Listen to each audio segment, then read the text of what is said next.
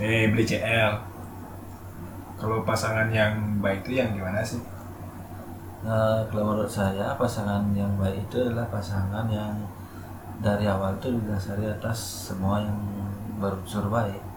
Nah, dari cowoknya baik, ceweknya juga baik. Oh gitu. Berarti kayak timnas nah. Kalau kalau wartawannya baik, timnasnya juga baik.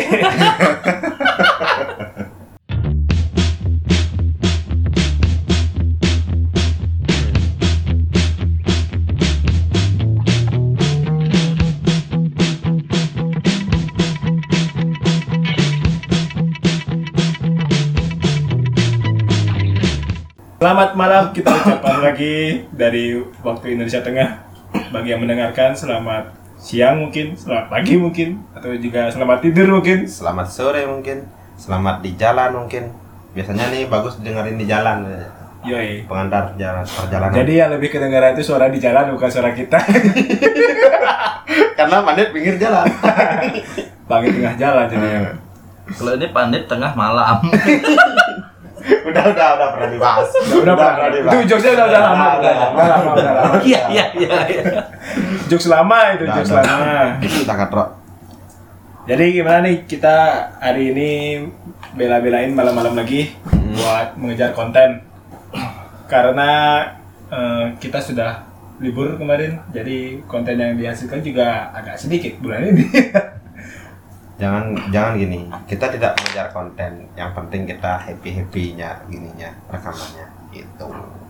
Yo eh Oh ya gini, apa namanya mau ngucapin selamat ulang tahun uh, anniversary untuk gini NSB yang Northside. Boys yang ketiga. Semoga semakin kompak dan semakin semangat untuk membela Bali United. United. Kita tercinta. berjaya di darat, laut dan di udara. Iya. Enggak. Sumber kebisingan gini nih. Darat laut dan kita- udara berjaya di lapangan kan di lapangan. Kan bukan mereka yang main bro. Kenapa berjaya di darat, laut dan udara? Karena nanti mereka yang akan mengawal tim kebanggaan untuk away gitu. Pokoknya solari soladi eh Solidaritas is power. Oke. bukan solidaritas. Artinya solidaritas adalah kunci. Sulit adalah kekuatan. Oke. Apa yang gini nih bahasa? Yang lagi seru sih tentu saja yang paling hangat dibicarakan bahwa Jadi itu Gisel.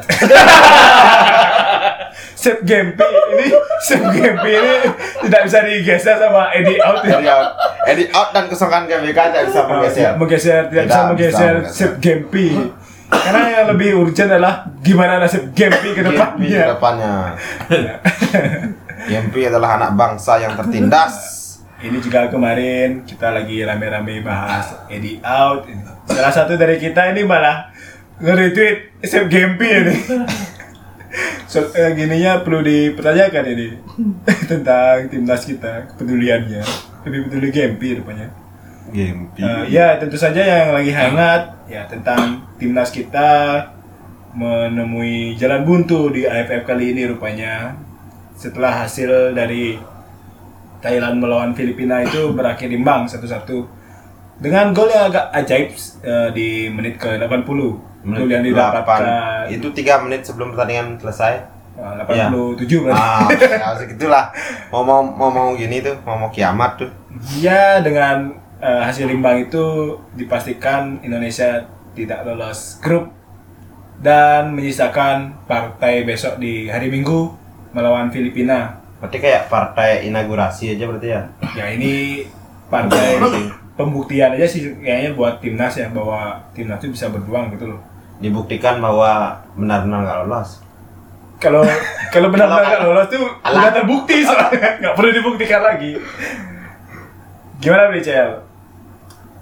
Eh, sedikit sedikit kecewa ah, karena dari awalnya ekspektasi terlalu tinggi untuk timnas di tahun ini Oh kirain sedikit kecewa karena game Karena nggak jadi ke Jakarta dia. Oh, gitu. Iya. Oh, nyari Gempi. ya sedikit kecewa Kita nggak jadi ya ke Jakarta ya. Karena nasar kita nggak berjalan. dari final ya Mau gimana? Kita disuruh hemat sih. Rupanya kita disuruh hemat setelah kemarin berfoya-foya itu. Gimana lanjutin lanjutin? Eh, seperti mana tadi? Kecewa. Oh udah udah berarti. Udah kecewa doang kan. kecewa kita semua kecewa Ya itu nanti kita bahas sedikit sih karena sebagian besar sudah dibahas di udah lengkap podcast Di- kita, podcast junjungan kita ya. dari tempat-tempat lain udah dibahas ini Ya. Sekarang kita bahas aja tentang liga kita nih yang kita semakin fokus ke gini aja penyebab tersing salah satu penyebab tersingkirnya timnas di AFF Oh, liga liga. liga ini mau gini ya apa namanya?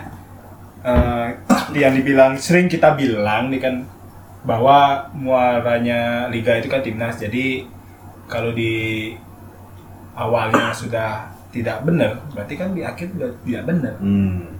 berarti s- berarti nggak kayak hubungan orang tuh ya biasanya awali aja dulu nanti belakangan pasti berakhir dengan happy ending ini Iya. jadi awalnya trouble akhirnya itu, trouble itu juga apa itu eh, berakhir happy ending gitu? hubungan hubungan kebanyakan orang Oh, gitu. kebanyakan milenial sekarang Kiranya yang bisa aku gitu. Gimana berarti nggak berjalan dengan mulus artinya kan ini antara liga dengan timnas ya bahwa kenyataannya liga kita masih berjalan di saat timnas juga mempunyai agenda. Hmm. Berarti karena liganya ini kecapean main kita gitu ya? nggak artinya gini pemilihan pemain nggak nggak sesuai dengan keinginan pelatih full maksudnya Hmm. karena ya seperti yang kita tahu kayak kita belajar terus kita dihadapi oleh ada ada ya, orang main terus kita disuruh belajar kan ber- bercabang pikiran kita gitu loh sekarang eh, di liga memasuki pekan kedua 32 masalahnya Nah, di saat berbarengan nanti main dengan Filipina iya. kan jadinya ya seperti itulah Kita sebagai penonton juga nonton aja udah bingung coba sedikit bingung. nonton aja udah bingung gimana Mau- main coba Mau nonton yang mana? Mau nonton klub apa nonton timnas ini? iya begitu Ya sampai kemarin kan juga bingung. Yang yang lebih ramai itu Persija main di GBK daripada timnas yang main di GBK. Persija full house kemarin. house. 80 ribu penonton. Sedangkan waktu kemarin lawan Timor Leste. Timor Leste eh, 15 15 ribu. Kurang lebih 15 ribu. ya cuma 10 persen Paling kalau ditambah-tambah sama cleaning service itu ya nggak bisa nambah-nambahin juga. lima belas ribu dua puluh gitu ya. Terus ada gini nggak yang mau dibahas liga oh banyak Oh, kan? te- tentu liga ini kan sudah memasuki babak akhir nih. Bisa dibilang babak akhir. kita fokus bahas liga berarti ini ya Liga aja. Liga Karena aja, tadi di sana nggak dibahas liganya kan. Ini Iya, kesempatan iya. kita masuk Porsi. ini. walaupun agak-agak nih analisisnya Nah, analisis Agak nyembel. agak gimana? jangan gimana gimana banget lah Jangan gimana gimana banget Ya kita kita liganya sudah memasuki ke pekan 32 Hmm. di mana eh, masih menyisakan tiga pertandingan ya. tiga pertandingan lagi ya Tiga pertandingan sisa. Title race-nya ada tiga laga Nah, di mana tiga pertandingan sisa ini sangat-sangat menentukan bagi pengejar titel juara. Hmm. Tentunya di lima besar ada siapa aja? di lima besar untuk pekan ketiga dua tadi kan pekan tiga dua ini ada eh, dua pertandingan yang baru saja dilaksanakan yaitu Persib Bandung yang ditahan imbang oleh Perseru-Serui di Gianyar nah, yang minjam eh, stadionnya Bali United. Kemudian Mitra Kukar yang berhasil mengalahkan tamunya PS Tira. Ini dua pertandingan yang sudah berjalan. Jadinya untuk update klasemen dari lima besar ini di atas ada PSM Makassar dengan 54 kemudian Persija Jakarta dengan 53 poin yang baru bermain 31 pertandingan kemudian Persib Bandung yang sudah bermain 32 pertandingan tertahan di peringkat ketiga dengan poin 50 Bayangkara FC dengan poin 49 di posisi keempat dan Borneo FC yang berada di posisi kelima dengan 45 ini lima tim yang berpeluang untuk jadi kampiun. Ber, ber- berpeluang berpulang menjadi kampiun Liga 1 Ya. di musim 2018 ini.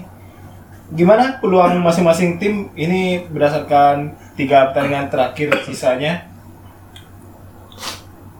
Ada PSM yang di pertandingan sisa menghadapi Bali United Bayangkara dan PSMS Medan. Ini yang menjadi batu sandungan ini PSM bisa di dua pertandingan sisa ini yaitu melawan Bali United dan Bayangkara ini. Dia dan Bayangkara. Tapi PSMS Medan juga bisa dianggap sebagai apa namanya batu sandungan karena PSMS lagi berjuang di zona de- degradasi tepat di bawah. Cuma dia tidak berpengaruh langsung terhadap pergeseran klasemen di atas. Karena juga di di papan bawah itu masih ketat juga. Ketat nih. Tidak tidak kalah dengan papan atas. Ya, atas bawah nih gini ketat. Nah, yang tengah-tengah aja yang ya, slow-slow. ada mayem. Ada mayem. Ada mayem. Aja. Dan di berikutnya ada Persija Jakarta yang di pertandingan nanti melawan Sriwijaya FC. Ini berjuang juga nih di klasemen bawah. Ya. Sriwijaya FC. eh, Sriwijaya ini Sriwijaya ini agak mengejutkan ya bisa sampai di papan bawah ini ya. Mm-mm, karena di awal musim kan di atas ya. Ya. Sebelum Ada terjadi eksodus besar-besaran. Ada carut marutnya di internal tim. Mm-mm. Dan Persija ini juga di pertandingan kedua away ke kandangnya Bali United. Ya, ming ming dua minggu lagi ya tanggal 2 Desember tuh Ya. pertandingannya di sini. Di Dikta pertandingan terakhir Bali United di kandang. Di home juga. Di home ya. Di pertandingan terakhir mereka melawan Mitra Kukar yang juga lagi berada semakin Ya. mendekati papan bawah Ya, kan. ya memang Mitra Kukar ada di tepat di garis apa namanya klasmen di garis eh, degradasi sorry pas di atas garis degradasi. Karena kemenangan tadi akhirnya bisa mengangkat mereka setelah sebelumnya berada di peringkat 17 kemudian Ada Persib Bandung. Persib Bandung yang di pertandingan tadi juga gagal memaksimalkan Oh, keuntungan sebagai tanda kutip tuan rumah. Tuan rumah di tempat ade. Di tempat Eh, Bang Dimas ini tempat adik terlalu angker. Makanya sering-sering main ke tempat ade bang. Udah jarang-jarang main tempat ade ya tadi kita kita nimbang dua-dua oleh Persero-Seri padahal di babak pertama ya sempat kita memimpin. analisisnya sedikit ya. Eh, sempat memimpin sempat memimpin melalui Boman dan gini Wanggai. Ya, Patrick Wanggai mencetak gol di menit ke-6 yang kemudian digandakan oleh sundulan dari Boman.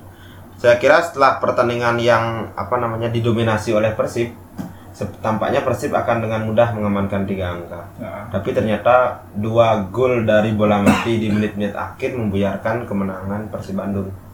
Gol dari titik penalti dan kemudian tendangan bebas yang sedikit mengecoh pada Wirawan menit ke-93 dramatis dramatis sekali pertandingan ini. Tadi sempat gini kita komen masalah rumput, Hmm. rumput rumput Dipta yang semakin menghijau.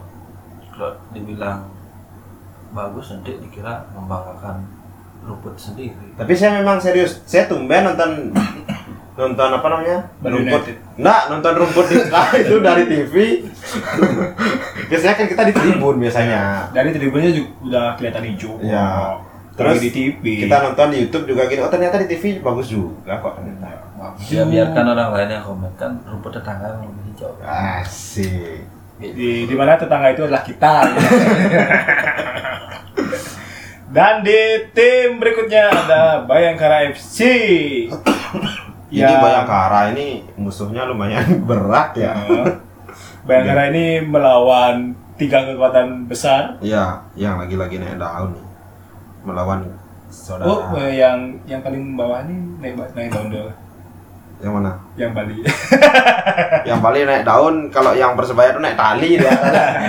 Dari peringkat 16 meroket ke peringkat ke peringkat 6. ya di pertandingan sisa Bayangkara akan melawan Persebaya di Bung Tomo Wih, Wah, ini. bertemu saudara aslinya nih. Wah, saudara Ini saudara tiri kayak businnya ketemu yang kalau kalau kata teman bonek kita kemarin Nah.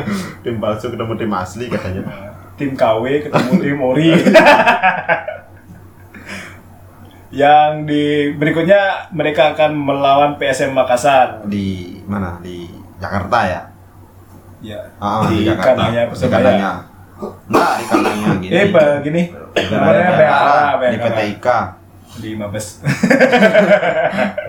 di Mabes.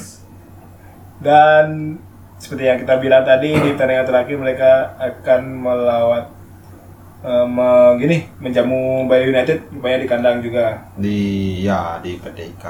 Ini menarik pertandingan terakhir ini ditutup oleh dua besar penghuni klasemen musim lalu. Ya. Bali United dan Bayangkara kejar-kejaran musim lalu. Dan seharusnya dengan skenario ini jika masih kita memakai apa namanya patokan musim lalu, ini seharusnya bagus nih peringkat 1 2 ini ditentukan seharusnya tapi skenario nya kita berada di peringkat 6 masalahnya. Iya. Jadinya tidak seru jadinya. Ya Akan- udah jangan mengulang-ulang lagi kisah musim lalu yang sangat menyakitkan. Namanya kan mengulas. Tidak apa-apa. lah, Kamu ulas. aku musim lalu kemarin juga bilang-bilang Konvalius. Tapi Dan di berikutnya ada siapa, Beliau Berikutnya Borneo FC yang berada di peringkat kelima. Eh, tiga laga sisa mereka adalah menghadapi Persela Lamongan di di Segiri Samarinda yang kemudian dilanjutkan dengan derby Borneo menghadapi Barito Putra di Banjarmasin dan terakhir menghadapi PS Tira di kandangnya. Ini tim Bali United yang berada di peringkat ke-6 menghadapi tiga kontestan yang berpeluang juara Berpeluang juga. juara. Ini ini terjadi kontak langsung nih dengan gini Hmm. dengan musuhnya. Yang pertama adalah kita akan bertandang ke Makassar dalam waktu dekat ini dah hari Minggu kita main. Uh, yang kebetulan tim juga sudah berangkat tadi. Kemudian menjamu Persija Jakarta tanggal 2 Desember di.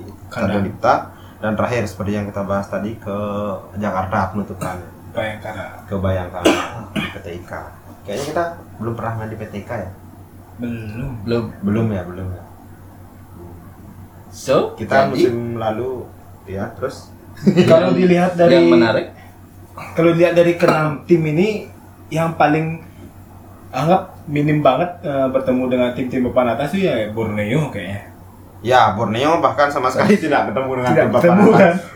Dan yang uniknya Persib juga sih. Ya, Borneo dan Persib. Tapi Persib gagal memaksimalkan tadi laga kandang. Ya, ya. Sedangkan Borneo kita lihat mempunyai dua sisa laga kandang yang akan menghadapi Persela dan PS Tira. dan yang saling berhadapan justru antara Persija, PSM, Bayangkara dan Bali United. Dan Bali United ya, benar. Dan untuk ketiga di atas ini, si PSM, Persija sama Bayangkara ini sebenarnya, sebenarnya Bali United adalah kunci. Kunci-kunci. Ya. Kunci kalau misalnya mereka bisa memenangkan laga melawan Bali United itu posisinya pasti akan aman. Mm-mm. Sedikit aman lah, bukan pasti sih. Jadi Dan- yang benar-benar berpeluang di sini kita sendiri susah banget memprediksi. Kalau kita apa namanya memprediksikan secara head to head kita yang paling berpeluang menggeser mereka seandainya menang karena tidak akan ada tidak akan ada pengaruh menunggu hasil tim lain lagi kira kita langsung berhadapan dengan tiga kontestan di atas jadinya eh, ini tergantung tim sendiri gitu maksudnya tim sendiri apakah bisa menang atau kalah gitu loh Hmm. tapi jika kita terpleset persebaya selisih satu poin tepat di bawah kita bisa kesalip. bisa aja kita disalib gitu. dan bukan nggak mungkin persebaya itu mempunyai peluang untuk lolos ke Asia masalahnya Ya. masih ada peluang untuk lolos ke Asia karena tiang di Asia untuk di AFC peringkat 1 2 wah eh, apa namanya langsung lolos ke AFC kemudian peringkat ketiga standby dia. Menunggu apakah lolos eh, Yang lolos verifikasi atau enggak gitu ya. Dan pengundiannya udah terjadi ke dua hari yang lalu. Ah. di sana tertulis Indonesia first. Indonesia second. Yang lain itu udah ada ada. ada. nama nama Belum ada. keluar. Kita tuh masih Indonesia first dan Indonesia second Aduh. Ini nunggu Indonesia aja baru mulai ini kan. ini sama kayak kamu kita udah mau jalan nih masih nunggu temennya masih belum mandi coba belum mandi Kayak orang di sini satu. BCL BCL bagaimana BCL Gimana? Menurut- Mengenai keterlambatan ini gimana, BCL? Ya kalau mulai ter- keterlambatan ini kan banyak faktor sebenarnya. Oh. Dari awal sih karena emang jadwal liga kita molor, yang kedua karena adanya terbentur Ramadan kemarin juga adanya terbentur event kebetulan Indonesia jadi tuan rumah Asia Game Asian Games. Asian Game sorry Asian Game ya jadinya banyak uh, gini pernah jeda-jeda itu di liga. Dan kemarin juga sempat ada insiden. ya insiden terbentur tanah gimana? Nggak, Netterjack Wow. ya. Bagi yang anak-anak indie nih, terutama di Bali ini pasti tahu Netterjack. Tapi kalau melihat dari gini sisa laga yang dihadapi tim-tim papan atas ini benar se- seperti dibilang sama Yoga sama Dwi itu Bali United ini kayak jadi gini jadi apa jadi jurinya siapa yang layak juara harus hadapin gue dulu Yes, yes. Lewatin mayat gue dulu gitu. Gitu sih Jadi benar-benar eh, yang papan atas ini akan memaksimalkan banget ya melawan Bali United ini ya. Apalagi tren Bali United lagi turun setelah kemarin mendapat kekalahan dari Persebaya. Ya Persebaya Dikejar win. oleh Persebaya. Eh, apalagi eh, gini eh, dari pihak supporter juga agak sedikit gonjang ganjing Gonjang-ganjing. karena performa belum naik juga. Jadi menjadi sasaran empuk rupanya ini eh, Bali United. Tapi berhubung itu kita mempunyai modal tidak menjadi tim unggulan kalau di sini. Soalnya kekalahan kemarin Oh nggak menjadi- bisa dong. Hah? Tetap jadi unggulan dari supporter Bali. Beban itu berat itu. Nggak, kalau tim lawan kan sudah mulai menganggap bahwa Bali United bukan hal tim yang tidak mungkin bisa maksudnya tidak terkalahkan itu maksudnya Ya. dalam artian kalau Widodo cerdik, coach Widodo cerdik mungkin bisa aja meng mengcounternya itu gitu loh. Artinya ada strategi yang tersembunyi kalau ada semoga aja ada ya. Ya kemarin kan juga eh, dari pihak manajemen juga kan Pak Yabes mengeluarkan statement walaupun untuk peluang juara tipis gitu eh, mengingat klasemen sekarang tapi targetnya kan tetap karena Asia itu udah sebuah eh, Kebanggaan. pencapaian benua. pencapaian prestisius ya harus dimaksimalkan peluang untuk tetap tampil di Asia ini gitu. Jadi Tapi saya rasa sepertinya udah gini, udah tertutup sih untuk main di Asia. Karena melihat dari pesaing-pesaing kita itu trennya lagi pada naik, sedangkan kita trennya lagi turun. Ya itu kan kalau kita mengacu pada tren hasil pertandingan terakhir. Tapi kalau kita meng- mengkaca pada matematika hasil akhir itu masih ada peluang lolos. Bahkan juara pun kita ada peluang dengan syarat PSM Makassar kalah terus. Itu yang susah sebenarnya kan. Iya, PS, PSM Jadi Makassar kalah terus. eh, emang sih masih ada eh, matematikanya, tapi kalau secara realistis itu kayak susah banget didapatkan. Hmm, kalau secara logika maksudnya. Ya, secara realistis saja. Misalnya PSM, PSM trennya lagi naik. Yang Bayangkara juga belum belum terkalahkan dari gini. Ya, kalau dilihat dari pertandingan terakhir kan. Iya. Dan Persija juga kemarin menggebuk ini di Kalau seandainya pun kita bisa mengalahkan Persija, tapi jika Persija ada memenangkan satu aja laga dari dari dua pertandingan antara Sriwijaya dan Mitra Kukar, kita memang tidak bisa menyalip Persija. Walaupun kita bisa menyalip PSM, tapi bukan bukan tidak mungkin kita berada di peringkat kedua di bawah Persija Jakarta. Karena dengan dengan mencapai jika kita ingin mencapai target itu, kita harus mengalahkan PSM, Persija dan Bayangkara. Jadinya kita udah pasti ada di atas jika kita mengalahkan ketiganya dalam dalam hal ini kita tidak perlu menunggu hasil tim lain gitu loh maksudnya. Iya, betul, betul. Tapi ya kalau dilihat secara matematika sih memang masih ada. Iya. Tapi kalau dilihat secara realistis sih ya agak susah sih kayaknya. Main di kandang main di kandang Makassar kita musim lalu menang.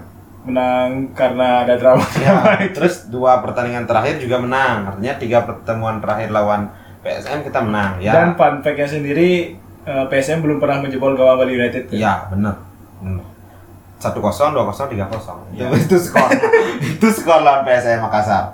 Jadinya kita ya paling tidak harus mem- mem- mempunyai bahwa kita tuh tidak inferior, superi, mereka tidak superior loh dari kita gitu. Harus ditumbuhkan untuk men- untuk untuk mencapai mental yang kuat. ya bo- eh, walaupun seperti yang dibilang tadi eh, untuk mencapai juara dan untuk mengejar titel main di Liga Asia itu sulit tapi mungkin ini sebagai bentuk motivasi sih kepada gini apa kepada tim agar eh, tetap fight untuk menghadapi sisa laga ini. Walaupun lawan-lawan yang dihadapi cukup cukup eh cukup berat.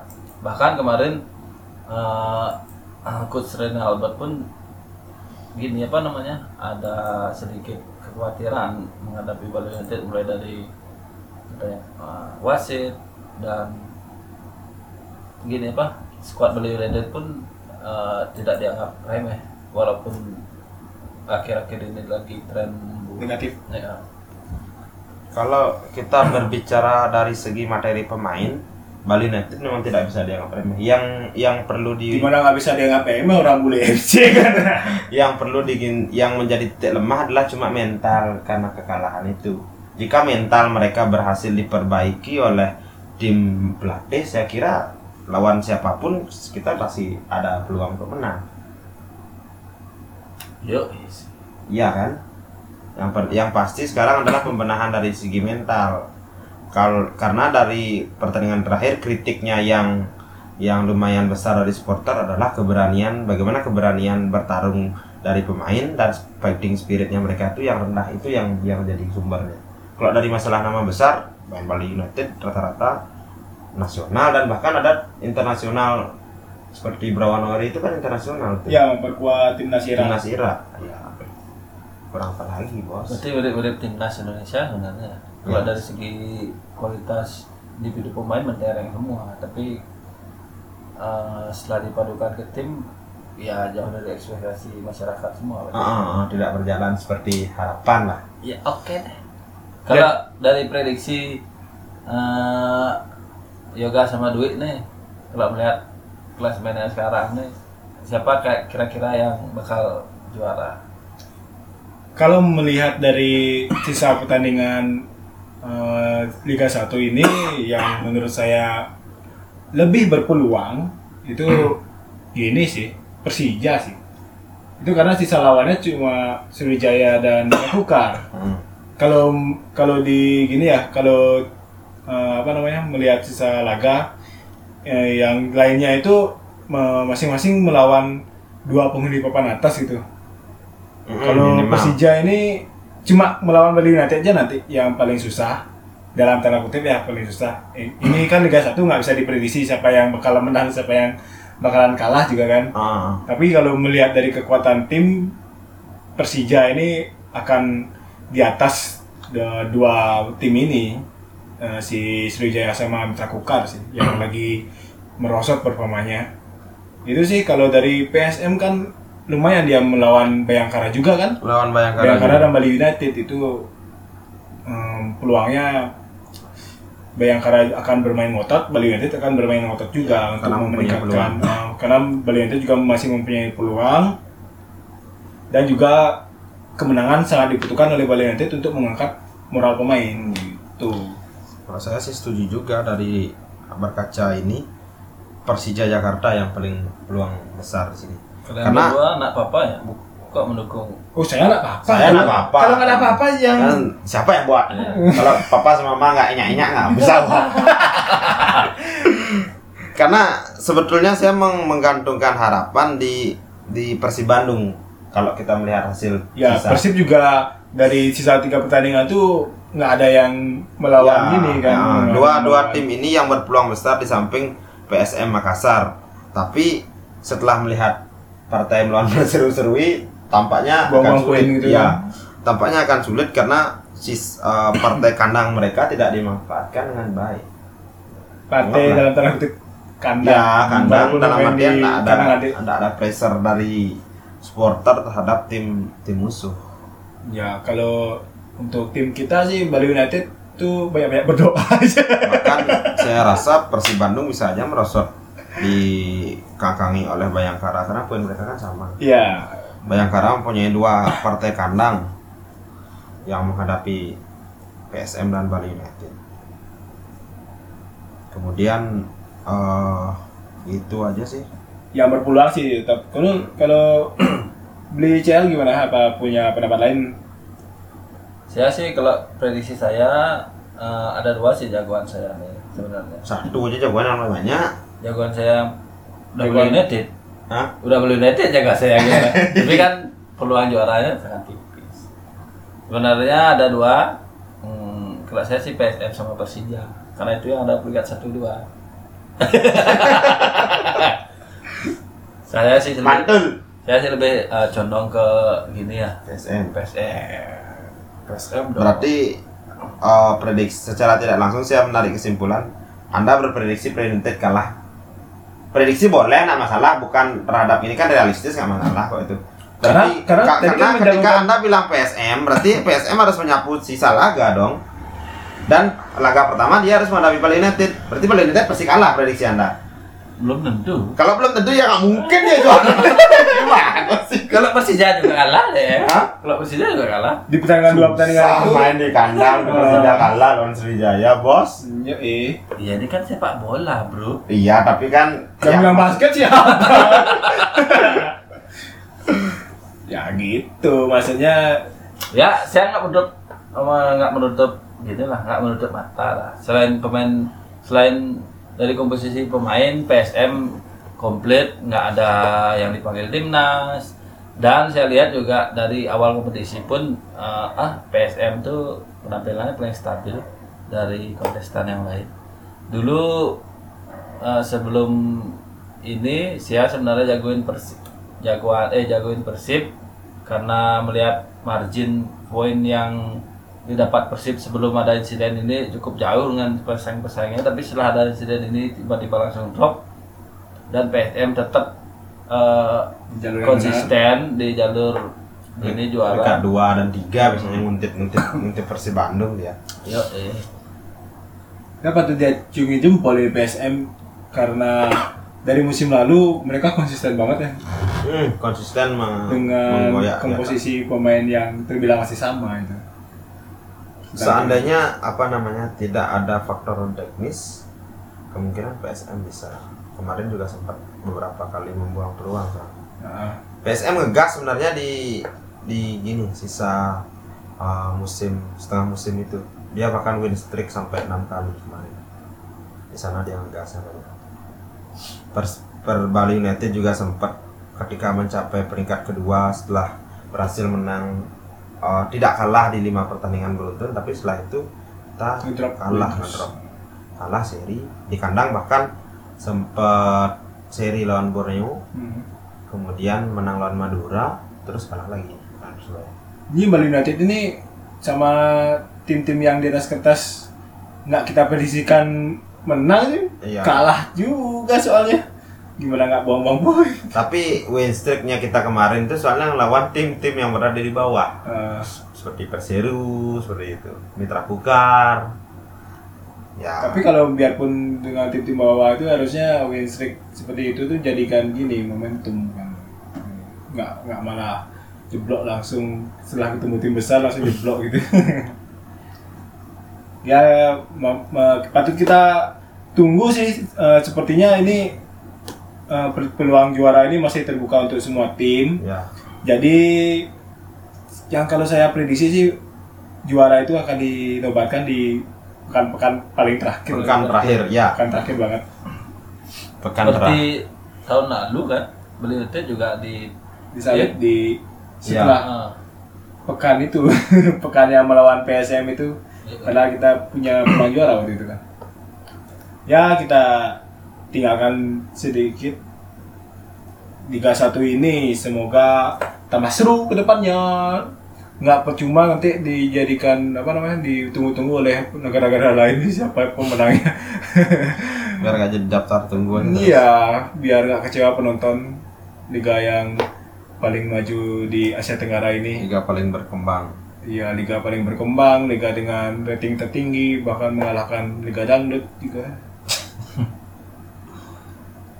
Dan yang paling hangat nih kita bahas sedikit yang tentang ya recent recent ini bahwa yang kita tahu timnas kita gagal melaju ke babak berikutnya. Setelah Thailand dan Filipina berakhir imbang satu-satu. Dan Filipina juga tidak terkejar di klasemen karena sudah mendapatkan poin 7 sedangkan nanti kalau kita sekalipun menang melawan Filipina poin kita masih di angka 6 iya tanam maksimal 6 sepertinya eh, apa namanya yang menyedihkan di sini sih sebenarnya kepastian kita tidak lolos tuh ketika kita tidak main. Ya. Ya, itu yang lebih menyedihkan dalam artian Jadi seperti eh, pacar kita mutusin kita tapi kita taunya dari temen gitu. Enggak, enggak pacar kita yang langsung ngucapin ke kita kita putus gitu. Tapi temennya, eh besok kamu diputusin tuh sama dia. Aduh, aduh sakitnya lebih sakit gitu kan. Curhat, curhat.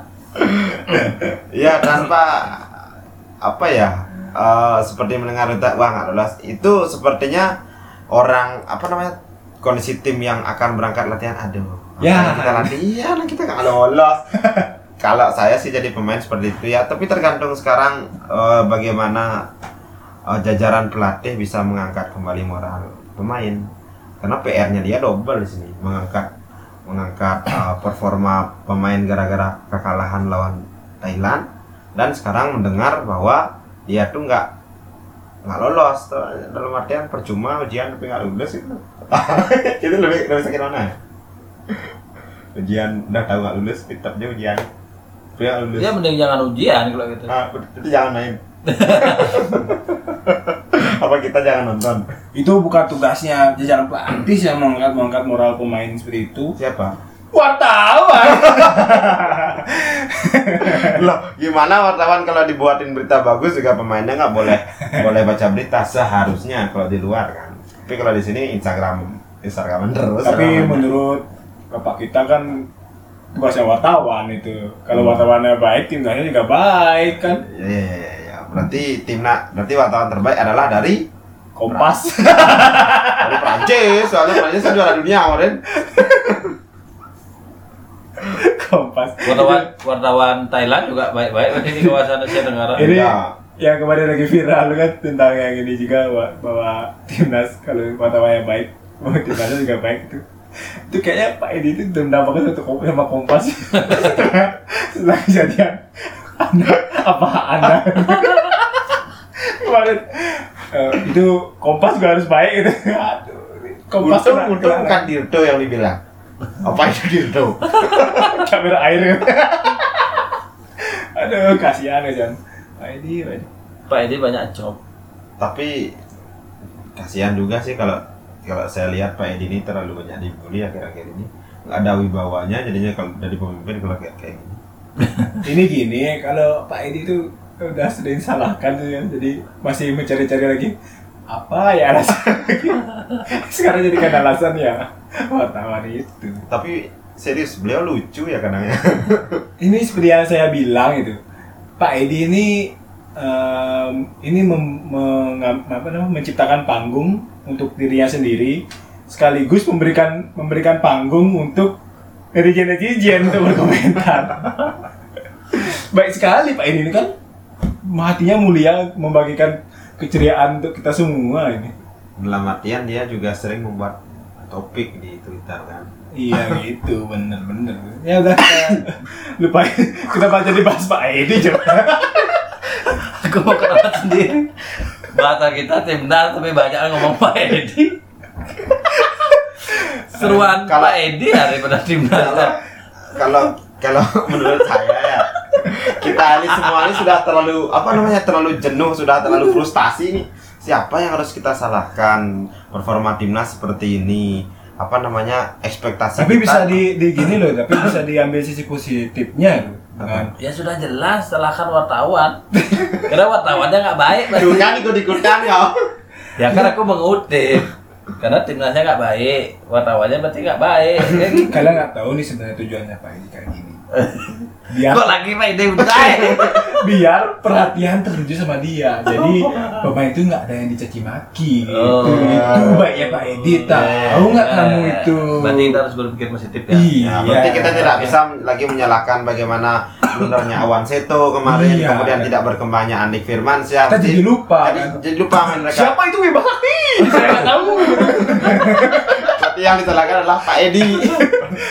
Mantul Pak Edi. Anda sungguh inilah contoh, kesatria. inilah contoh Pak apa namanya pemimpin sejati Iya. bisa mengayomi anak buahnya. nggak percuma dia mau gini dia mau mempertahankan jabatannya sampai terakhir Jangan salahkan para menteri saya, rakyat rakyatku, salahkanlah rajamu. iya Panglima, Panglima.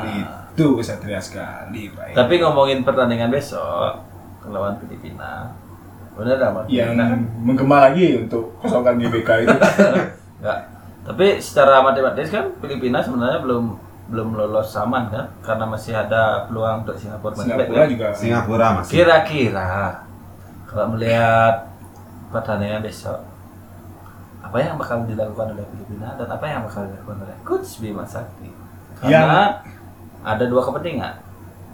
Kalau Filipina dia ada kepentingan lolos agar tidak disalip oleh Singapura yang notabene lawan terakhir adalah Timor Leste ya. Apa ya? Singapura udah menang lawan Timor Eh, Leste. berarti Thailand. Thailand lawan. Lebih berat kan? Dan Indonesia karena sudah di- Tergantung nanti. sudah dipastikan nggak lolos apakah bakal menurunkan pemain-pemain yang belum sempat diturunkan seperti apa kah menarik ini untuk dibahas Sepak Indonesia keduanya tapi kalau menurut saya sih seharusnya nggak ada lagi eksperimen-eksperimen untuk pemain-pemain yang apa namanya yang belum dapat jam terbang atau gimana kita kita harus punya pertaruhan harga diri. Udah nggak lolos nanti di bawah Singapura lagi. Terus cuma kita di atasnya Timur Leste. Kan? Timur Leste lo peringkat dari AFF peringkat terbawah. Dalam artian berarti Indonesia berada dua peringkat terbawah tuh kalau kita ranking dari semua. Ini harga diri bangsa kita main di GBK kita harus Gini. pakai starting terkuat gitu loh. Gini maksudnya di samping juga kita harus men- menampilkan permainan yang terbaik dari timnas kan. Juga sebagai ajang gini, ajang sedikit balas dendam sama Filipina itu. Terkait gol yang kemarin ini. ya kita buktikan bahwa kekalahan itu terjadi karena bukan murni dikalahkan oleh Filipina Ya. itu terjadi ya mungkin keberuntungan Filipina lah bisa menahan imbang Thailand atau mungkin pemberian Thailand atau mungkin Thailand nggak pengen lagi ketemu kita atau apalah kita bu- buat asumsi sendiri yang pasti kita patahkan asumsi bahwa kita memang tidak layak lolos kita layak lolos lolos hanya tidak beruntung itu aja sih Ya, karena bukan faktor kita juga kan. Hmm. Bukan karena kita sudah kalah dari Filipina atau gimana. Tuh, Ya. bukan. biar nggak terlalu dicap wah ini memang nggak layak lolos nih lawan Filipina lah doa bukan Ya kemarin, eh kemarin besok sih harusnya mati-matian ini pasukannya Bima Sakti ini untuk membuktikan diri sebagai ajang pembuktian bahwa timnas kita ini memang yang terbaik di tahun ini. Wah, berarti eh, peluang eh, lebih besar lolosnya kalau melihat eh, pertandingan terakhir ini. Kalau Singapura sih mainnya di Raja Mangala ya? Iya, ya. mungkin eh, kayaknya sulit juga menang ya lawan Thailand ya. Nggak mungkin sih kalau saya Tergantung. Yang ngasih itu lebih banyak Filipina apa Singapura? awasi dengar Enggak, bercanda, bercanda. Filipina. Bisa aja sih lolos ya kayak Filipina sih.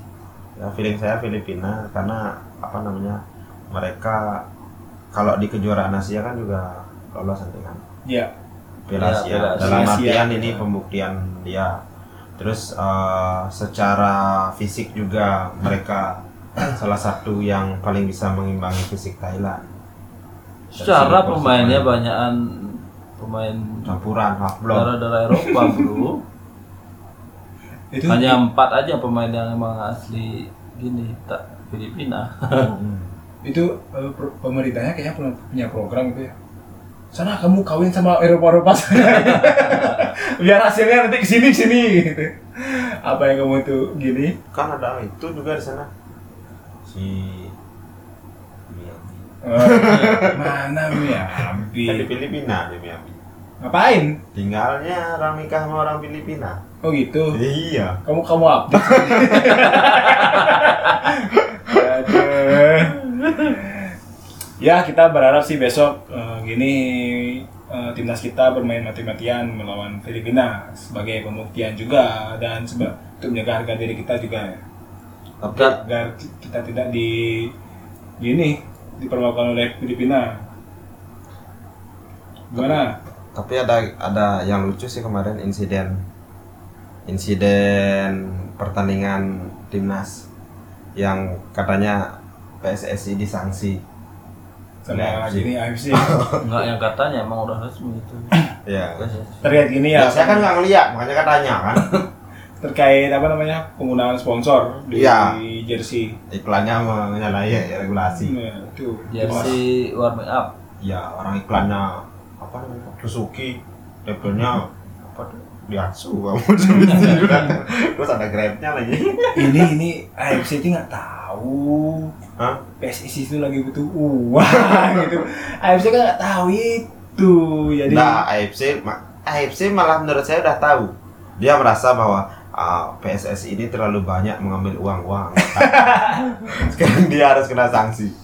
Dalam artian penegakan regulasi di bawah itu udah salah. PSSI yang seharusnya memberikan contoh malah dia yang kena. Kena saksi ya. Ah, ah. harusnya kan PSSI itu nggak mungkin kena sanksi. Ya, yang standar ini ini kan apa namanya sanksi yang yang benar-benar terlihat di statuta awal. Hmm. Statuta awal dalam artian manual book sebelum terjun ke AFF kan. Masa berarti mereka nggak baca dong? Kayaknya dikirimin WA ke Pak Edi dan Pak Edi lupa Oh, gitu kayaknya. Makanya aduh ini semakin malam semakin lantur Ya sepertinya harus dirubah lagi regulasinya. Tolong di CC juga ke Ratu Tista. bisa Oh ya saya ingat Ratu Tista kemarin dia liburan di Bali nonton timnas futsal, eh timnas timnas futsal pasir Ah, timnas apa namanya sepak bola pantai pantai. kita yang juga juga gagal lagi-lagi final. sama gini ya Thailand. Thailand. lo lagi lo lagi bosen sih lawan Thailand kalah terus di futsal lawan Thailand juga. iya Kalahnya tipis ya. Ya, dua tiga ini ngomongin futsal kalah di timnas sepak bola pantai. Kalah. Timnas Timnas Indonesia. Indonesia. Di sepak bola kalah. Kalah di mana kita teman? di bulu tangkis. Kita pindah podcast bulu tangkis. Udah ada itu udah ada. Di Podcast. gini juga kalah. Di apa? Di Instagram. Sama kui kui kui.